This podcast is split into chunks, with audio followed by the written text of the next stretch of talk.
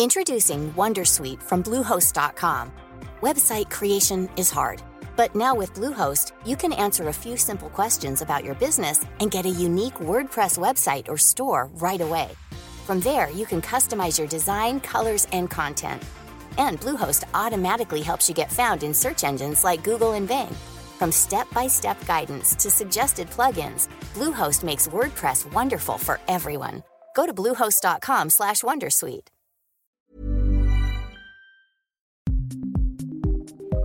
Du lytter til NRV Live fra NRV, energibransjens digitale kanal. Jarand Ristad, hvor alvorlig er den lave oljeprisen for den norske oljebransjen? Ja, eh, selvfølgelig så er det veldig alvorlig. Eh, både kontantstrømmen til selskapene, til staten, og ikke minst til leverandørindustrien eh, faller jo brutalt. Eh, jeg tror det faktisk er verst for leverandørindustrien. Eh, fordi at oljeselskapene skrur igjen så godt de kan. NRV Live presenteres av Oliasoft, digitalisering av boring og brønn, Onyx, digitalisering av løfteutstyr, og ledige stillinger på NRV. Ønsker du nye utfordringer? Se stilling.nrv.no. Og Det som faktisk er ganske spesielt, er at eh, det er bare 1 av feltene på norsk sokkel som har en høyere produksjonskostnad enn 20 dollar per fat. Når du bare ser på den marginale kostnaden av å drifte feltene nå, og ikke ta hensyn til investeringene og alt det som ligger foran.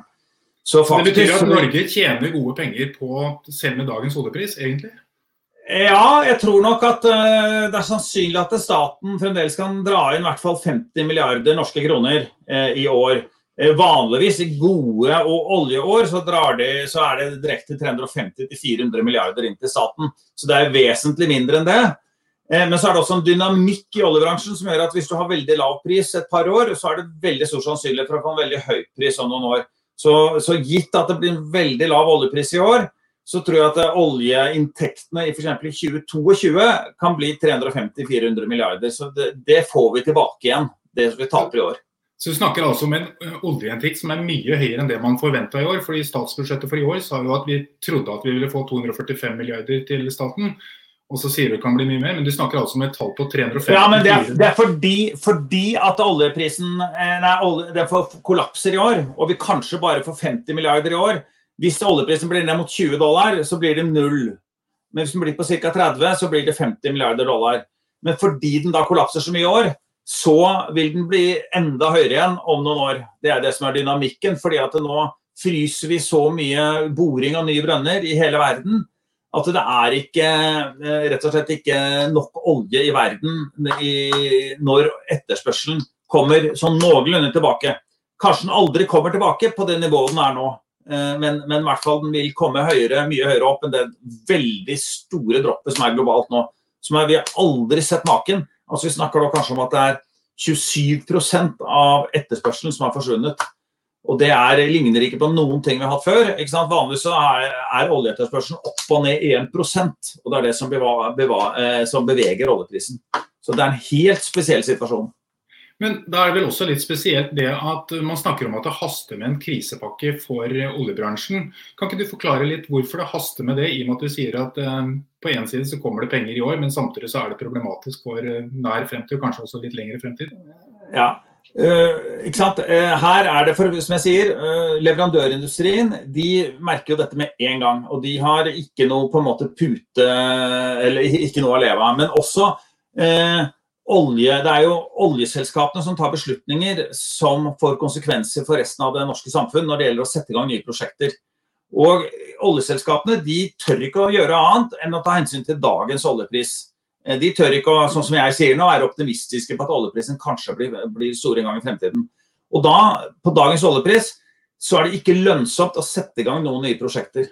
Og Det gjør at du egentlig fryser ned hele aktiviteten som rammer både oljeselskapene på lang sikt og staten, men også rammer eh, leverandørindustrien. Så på den måten så er det på en måte i alles interesse å få fått et litt mer langsiktig perspektiv. At staten som kan ha, ta den langsiktige rollen, ser disse mulighetene og ser at de faktisk selv vil tjene på å legge forholdene til rette, slik at eh, oljeselskapene tør å ta beslutninger om å bygge ut eh, nye felt, at de ser lønnsomme, eller i hvert fall tar bort noe av den store risikoen de ser ved å sette i gang dette nå.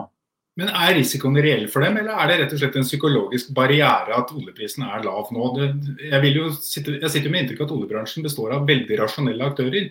Og det du forteller her nå er at eh, de trenger litt psykisk hjelp, nesten en hånd å holde i? Ja, men det jeg sier nå, det er litt ut fra ideelle forhold. At alle har veldig dype lommer og veldig langsiktig perspektiv, og ikke kortsiktig låneforpliktelse osv. Men i den virkelige verden, da, så er man altså Selv om det, jeg sier at vi er nå nede i en ned, nedgangssyklus som kommer til å gå opp igjen, så i den virkelige verden så er folk, når de er nede i den nedgangssyklusen, så har de likevel reelle regninger som skal betales. Eh, og eh, reelle investorer som skal eh, eventuelt vurdere mer lån osv. Og, og da, og da, blir de veldig nervøse og, og, og konservative, og, da kan faktisk aktiviteter stoppe helt opp, og selskaper gå konkurs. Eh, og Det er der staten har muligheter for å ta dette litt mer langsiktige perspektivet, da, og, for å sikre at aktiviteten føres videre likevel. For Du nevnte også at det var vel leverandørbransjen som er den som sliter mest, for de er avhengig av at oljeselskapene investerer og sånt. For ja. selve oljeoperatørene, de som er ute og utvinner olje og gass, de har vel i utgangspunktet ganske dype lommer, for det må de vel ha for å få lisenser? Ja, altså det har, Noen av de har det, men mm. mange av de har det ikke. Og hvis du ser på det som har skjedd på norsk sokkel over de siste årene, så har vi fått inn veldig mange av det jeg kan kalle petroprenører. Altså nye, innovative, små selskaper som har mange ideer det mange ikke vet, er at oljebransjen, og spesielt letedelen av det, er faktisk veldig eh, preget av eh, innovasjon og ideer på å se nye geologiske konsepter. Å lete etter olje der ingen trodde oljen var. Og eh, Da må du overbevise noen investorer, skrape sammen litt penger, prøve å få nok til å, be, til å liksom bore noen oljebrønner. Og så har det fått veldig gode resultater for norsk sokkel. Vi har funnet mye ny olje over det siste tiåret. Eh, takket være disse. Mens mange av de amerikanske store oljeselskapene med dype lommer de har trukket seg tilbake til Amerika. For de ser at der får de konsentrert seg om skiferolje, og det er mer lønnsomt for de på kort sikt eller på lang sikt nå også, for der har de mer kontroll over eh, hva de holder på med. Det er ikke så mye risiko osv. knyttet til det. Så vi er veldig avhengig av nå av disse mindre miljøene i Norge som har trukket liksom oljebransjen videre, gjort mange nye funn. Og de har ikke så veldig dype lommer. De lever mer fra hånd til munn, mange av disse selskapene. Og det er mange av de som står nå i fare for å kollapse. Og da får du en mye fattigere oljebransje i form av ideer og eh, eh, innovasjon fremover. Hva med, I og med at du forteller at store deler av norsk sokkel faktisk tjener penger med dagens oljepris. Samtidig så har jo Tina Bru vært ute, altså olje- og energiministeren vært ute og sagt at det kan være aktuelt at Norge også er med på å kutte i um, oljeutvinningen. Hvordan vil det fungere i Norge? Kan hun plukke opp telefonen og si dere skal stenge ned, dere får lov til å fortsette? Eller er det noen ja. retningslinjer for dette? Ja, først et steg tilbake. Altså, hvis det er riktig da, at, olje, at 27% av verdens oljeetterspørsel forsvinner, så vil på en måte 27% av verdensproduksjonen da, være nødt til å kutte. Du kan si at det, Kanskje hvis det er veldig kort tid og vi kan fylle opp noen lagre, så kan vi kanskje si at det er 15-20 da, som må kuttes. Eh, så det kommer an på hvor lenge dette varer. Og nå ser det ut til at det faktisk varer lenger enn vi trodde først også. Mm. Eh, men det vil si at eh, egentlig så burde vi kutte kanskje 20 her på norsk sokkel for å kutte like mye som andre land i, i, verden gjør. Og Det ene er da å tvinge fram politiske kutt. Alternativt så hadde man ikke trengt å gjøre noen ting fra politisk side. Da ville oljelagrene blitt fulle, oljeprisen ville gått veldig veldig lavt. Og, og oljeselskapene ville selv sett et business case, altså sett Eh, at det var lønnsomt å kutte, for å heller selge oljen en gang i fremtiden på, eh, på høyere priser. Og Da må hvert enkelt oljeselskap egentlig, og det, og det er det også når vi får pålegg fra staten om å kutte, så må de se på hvilke felt lønner det seg for å holde åpne, og hvilke lønner det seg for å kutte. Og Det er ikke bare på marginale eller på liksom hva som er operasjonskostnadene, men det er også på hvor kompressibel er altså Hvor kan de kutte ut de kontraktene de har med leverandørene sine, slik at de faktisk får ned kostnadene, eller kan de ikke gjøre det? Og er det også Reservoaret har det en egenskap på at det får trykkoppbygging og du får tilbake den oljen etterpå, eller får du det ikke? Og også den oljekvaliteten du har, er den en oljekvalitet som tross de dårlige tidene er sånn som eh, raffineriene vil ha, eller ikke? Så det er mange parametere som er avgjørende for å finne ut hvilke oljefelt som det faktisk kan lønne seg å kutte eh, eller å stenge ned, og hvilke oljefelt det ikke lønner seg. Og så spørsmål kan staten gjøre det. Ja, de har faktisk gjort det før. De gjorde det i 2001-2002, så var det bl.a. da en, en, Og jeg tror også i 98, så var det eh, behov Da gikk oljeprisen veldig, veldig lavt. Eh, og eh, det ble behov for å kutte. Og da fikk man dette pålegget for å kutte, som, eh, som man da implementerte på noen av feltene. Ble da kuttet noen hundre tusen, eller noen titusen fat, i hvert fall. Så det er mulig eh, også å, å, gjøre det som et slags politisk eh, vedtak. Men eh, jeg tror ikke det blir så mye som det, det proporsjonalt burde bli da, i forhold til hva andre oljeproduserende land ellers i verden er nødt til å gjøre. Så du mener at Norge burde ta en litt større andel av ansvaret for situasjonen, eller? Nei, altså på en måte Så jeg er egentlig litt mer sånn Her tror jeg faktisk på markedet eh, hvis oljeselskapene vet at oljeprisen i år blir 20 dollar, og de vet at det er sannsynlig at den kan bli 100 dollar om to til tre år, og de merker at eh, kanskje ikke 20 dollar engang, kanskje er 10 altså De får nesten ikke solgt oljen sin. Så, så, er det egentlig en slags økonomisk logikk for selskapene eh, å kutte. Og det, burde, og det, det gjelder egentlig hele verden. Så dette er også fordi at mange politiske aktører ønsker å vise politisk handlekraft eh, globalt. At vi også har dette OPEC pluss pluss og alt dette her. Men markedet hadde egentlig ikke trengt det. Eh, dette hadde skjedd uansett, eh, kanskje på en bedre måte til og med, om, om på en måte markedet hadde fått spilt seg ut mer enn eh, politikken. Men dette her er kompliserte geopolitiske forhold eh, og mange aktører. så Derfor så vikler vi oss inn i veldig mye sånn politiske forhold og, styring rundt dette her også. NRV Live presenteres av Oliasoft, digitalisering av boring og brønn, Onyx, digitalisering av løfteutstyr, og ledige stillinger på NRV. Ønsker du nye utfordringer? Bestilling.nrwe.no. Du, jeg ble så satt ut av paff av at du sier at de fortsatt vil tjene sannsynligvis 50 milliarder kroner i år. Men Oljebransjen har blitt truffet hardt. Men hva med fornybarnæringen? Vi ser jo, jeg så noen tall fra USA. De mente de hadde mista 100 000 jobber innen fornybarnæring og sånt. Hva, hva, tenker du og selskapet ditt om fornybarnæringen? Ja. Treffes de også nå, eller? Ja, altså Vi jobber jo veldig mye nå med å analysere fornybarnæringen. Vi har, jeg tror vi har lagt inn over en million fornybarprosjekter over, over hele verden. Eh, så å følge med på disse. Og det vi ser nå på kort sikt, så ser vi at en del av disse prosjektene rammes negativt. Eh, både i beslutninger om nye prosjekter og eh, i gjennomføring av prosjekter som er under utbygging nå. Da. Eh, og Det er fordi at praktiske ting, du får ikke tak i ekspertise og, og, og utstyr osv. Du får ikke fulgt opp på de verftene dette bygges osv. F.eks. Eh, offshore vind, flytende vind, alt dette her kan, kan bli noe forsinket. da. Så i likhet med alle andre prosjekter globalt, så er også fornybarprosjektene satt noe tilbake. Også fordi at valutaen har blitt veldig ugunstig i forhold til de sterke valutaene som er nå dollar og kinesisk valuta og sånt, noe som gjør at allting blir dyrere og lønnsomheten for en del av fornybarprosjektene blir lavere. Så kortsiktig så er det en negativ virkning. Men langsiktig tror jeg faktisk virkningen kan bli positiv for klimasaken, for å si det sånn. Eh, fordi at denne, denne krisen for oljebransjen er på lang sikt en fordel for klimaaktivisme? Klima... Jeg, jeg, tror det. Mm. Eh, fordi at eh, krisen på oljebransjen, eller for oljeindustrien nå gjør at vi får for lite olje om noen få år. Som gjør at oljeprisen kommer til å gå veldig høyt. Som gjør at det blir enda mer attraktivt å kjøre elektriske biler og satse på andre eh, energikilder enn den dyre oljen eh, om noen få år. Ikke sant? Mm. Og så, Det andre er at vi også venner oss til nye forbruksmønstre som innebærer mindre flyvning, mer videokonferanser generelt, eh, og kanskje andre si, strukturelle endringer. At vi handler mer på, på internett som, med et mer optimalisert kjøremønster som vi regner med kommer etter hvert, osv. Og så vil ta ned en del av, eh, av, eh, av, det forbruket som i dag oljen tilbyr. Og også investorene blir stadig mer skeptiske til denne veldig volatile oljebransjen og vil kreve enda høyere return, som de kanskje ikke får, og dermed reallokere kapitalen sin inn i f.eks. For fornybar.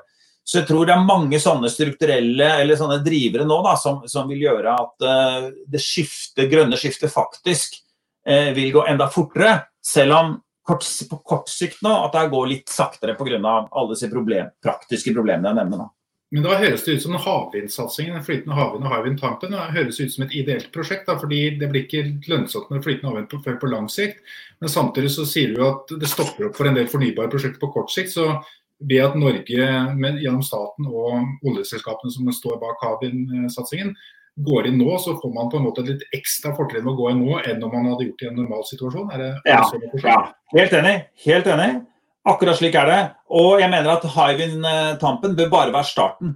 Det er faktisk et enormt potensial for å bygge ut mange tilsvarende prosjekter. Og du kan bygge ut mye mer også. Du kan utvide Hywind-tampen. Du kan tidoble den kapasiteten, og fremdeles ha etterspørsel, faktisk, eh, fra offshore. Så her er det en kjempemulighet. Og eh, jeg tror at, eh, at antallet vindmøller eller vindturbiner som kan bygges ut globalt, offshore, over det neste tiåret kan øke til 6000-7000 per år. Og da, med de prisene som jeg regner det kommer ned på, vil det likevel tilsvare mange hundre milliarder dollar i omsetning. Og der er norsk leverandørindustri veldig godt posisjonert. Både for å bygge vindturbinene, men altså fundamentene, forankringen. Men også disse konverteringsstasjonene for å få det fra eh, vekselstrøm til likestrøm. Men også bygge energilagring, hydrogenlagring, kanskje hydrogenlagring på havbunnen. Det er mange sånne muligheter. Og, og Som inkluderer både maritim teknologi og prosessteknologi. Eh, og, og, så her ser jeg et kjempemarked. For Problemet med fornybar er jo Et av problemene er jo at det krever veldig mye plass eh, på land. Og Vi ønsker ikke å bygge ned all natur eh, med fornybar på land. Men offshore så har vi veldig god plass i det, og relativt lite negativ eh, fotavtrykk miljømessig og på økosystemer. Så jeg har veldig tro på storstilt offshore utbygging av både vind og også sol. Faktisk offshore sol. Eh, over de neste to tiårene, og at eh, norsk leverandørindustri kan spille en veldig viktig rolle i det. Basert på den store kompetansen vi har i dag, men at vi gradvis skifter over til de, de, de teknologiene som trengs for å levere på dette. Da må jeg nesten bare spørre litt tilbake til denne krisepakken. for den Krisepakken er jo på mange måter, i hvert fall hovedtrekkene, er en eh, skatteutstedelse for oljeselskapene, slik at de kan betale leverandørindustrien, så leverandørindustrien får oppdrag. Men da høres det nesten ut som at det kunne vært en fordel å putte noe ekstra krisepakke for direkte på leverandørindustrien, så de kunne raskere omstille seg, eller fungerer det ikke? Nei, men de må jo ha kunder, ikke sant. Eh, det hjelper jo ikke å så, så, du må jo ha de som lager eh, prosjektene som de skal levere på. De som på en måte må tørre å ta beslutninger nå, og, og må se noen insentiver for å ta beslutninger. Eh, så jeg tror ikke det hjelper Det er oljeselskapene som er nøkkelen til dette. for De må både levere oljen og gassen, men det er også de som må levere fornybarprosjektene. fordi de er de eneste som leverer i den størrelsen det er snakk om på disse Ja, det er ikke helt riktig. Det er også noen andre selskaper. Eh, altså Du har et selskap som Ørstedt, da, som nå ikke er et oljeselskap lenger, eh, men som er en av de største fornybaraktørene. Og det er flere andre. ikke sant? Du har Fred Olsen Vindfarmer og har mange andre som er som også er operatører og eiere av vindkraftanlegg. Eh, men du har helt rett i at eh, oljeselskapene med Equinor i spissen er også blant de største investorene innenfor eh, den type fornybarsatsing. Så samtidig, like mye som de på en måte må holde aktiviteten oppe i oljebransjen, så er det viktig for leverandørindustrien at de også satser videre på fornybarprosjekter. Og jeg tror, som jeg sier, altså om fem til ti år, så er fornybarprosjektene mye faktisk større eh, i investeringer enn oljeprosjektene eh, faktisk globalt, og også i, i, i Nordsjøen. Vi, vi, nærmer oss avrund, men jeg er bare nødt til å spørre litt til. Eh, oljebransjen har blitt truffet av to kriser samtidig. og Både denne oljepriskrigen som har presset prisen ned, men også denne etterspørselssvikten som følge av koronaviruset. Hva er egentlig verst for oljebransjen akkurat nå? Er det oljeprisen som er så lav, eller er det koronaviruset og alle de utfordringer som kommer med det? Eh, jeg tror nok det er eh, oljeprisen som er eh, er verst, for å si det sånn. De, de, de fleste oljeselskapene klarer operasjonelt å opprettholde produksjonen, eh, selv om de har noen tilfeller av koronautbrudd på noen plattformer osv. Og, man minimaliserer antall mennesker nå eh, som jobber med dette her for å minimalisere risikoen for smittespredning. Eh, så, så, tror jeg at det er den etterførselssvikten, altså at uh, 27% av de varene de produserer ikke lenger er etterspørsel etter globalt, som da er, er verst for oljebransjen. Men jeg tror også det som jeg sier, for selve oljebransjen så er det også et litt problem at dette kommer til å knekke den langsiktige attraktiviteten av olje, fordi at vi får veldig volatilt oljemarked fremover, som jeg snakket om. Eh, men oljebransjen er en, mer en energibransje. Det som er, eh, altså, hvis du tar et større perspektiv, så vil dette føre til at du, de energiselskapene skifter raskere over fra olje til andre energiformer, som jeg har snakket om nå. Jeg må jo si at jeg er gledelig overrasket over hvor mye positivt vi kan ta ut av denne samtalen med deg. For på den ene siden så, så sier du liksom at eh, hvis vi bare kommer gjennom her med leverandørindustrien, så kommer oljeprisen til å gå opp. Vi kommer til å få kjempestore oljeinntekter i nærmeste årene. Og på den andre siden så sier du at dette kommer til å gi fornybarnæringen et løft.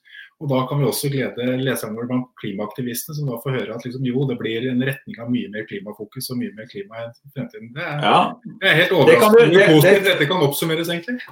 Ja, ja, ja, men la meg tilføye da at, eh, at det er mye usikkerhet hvor lenge dette viruset kommer til å vare. og Det kan komme i flere varianter, og det kan godt hende at dette varer faktisk ganske lenge, også flere år. Eh, vi kommer til å venne oss til å leve under denne, dette nye regimet. Det kommer til å bli et regime med mye mindre utenlandsturer på, alle sammen, eh, på, på oss alle sammen. Noen syns det er positivt, noen syns det er negativt. Så jeg tror, eh, så jeg er ikke så veldig positiv på når det gjelder å dra på hva skal jeg si, spennende utenlandsferier de neste par årene. Så vil jeg si at det er litt mindre positiv, da. Men vi får kose oss med det vi har her i landet, da. Jeg syns i hvert fall dette var en god eh, opptak til helgen som nå er rett foran døra. Så tusen takk for at du tok deg tid, Aran. Og ha en riktig god helg. Og riktig god helg til våre seere. Ja. Takk, takk. Ha det bra. Du har lyttet til NRV Live fra NRV, energibransjens digitale kanal.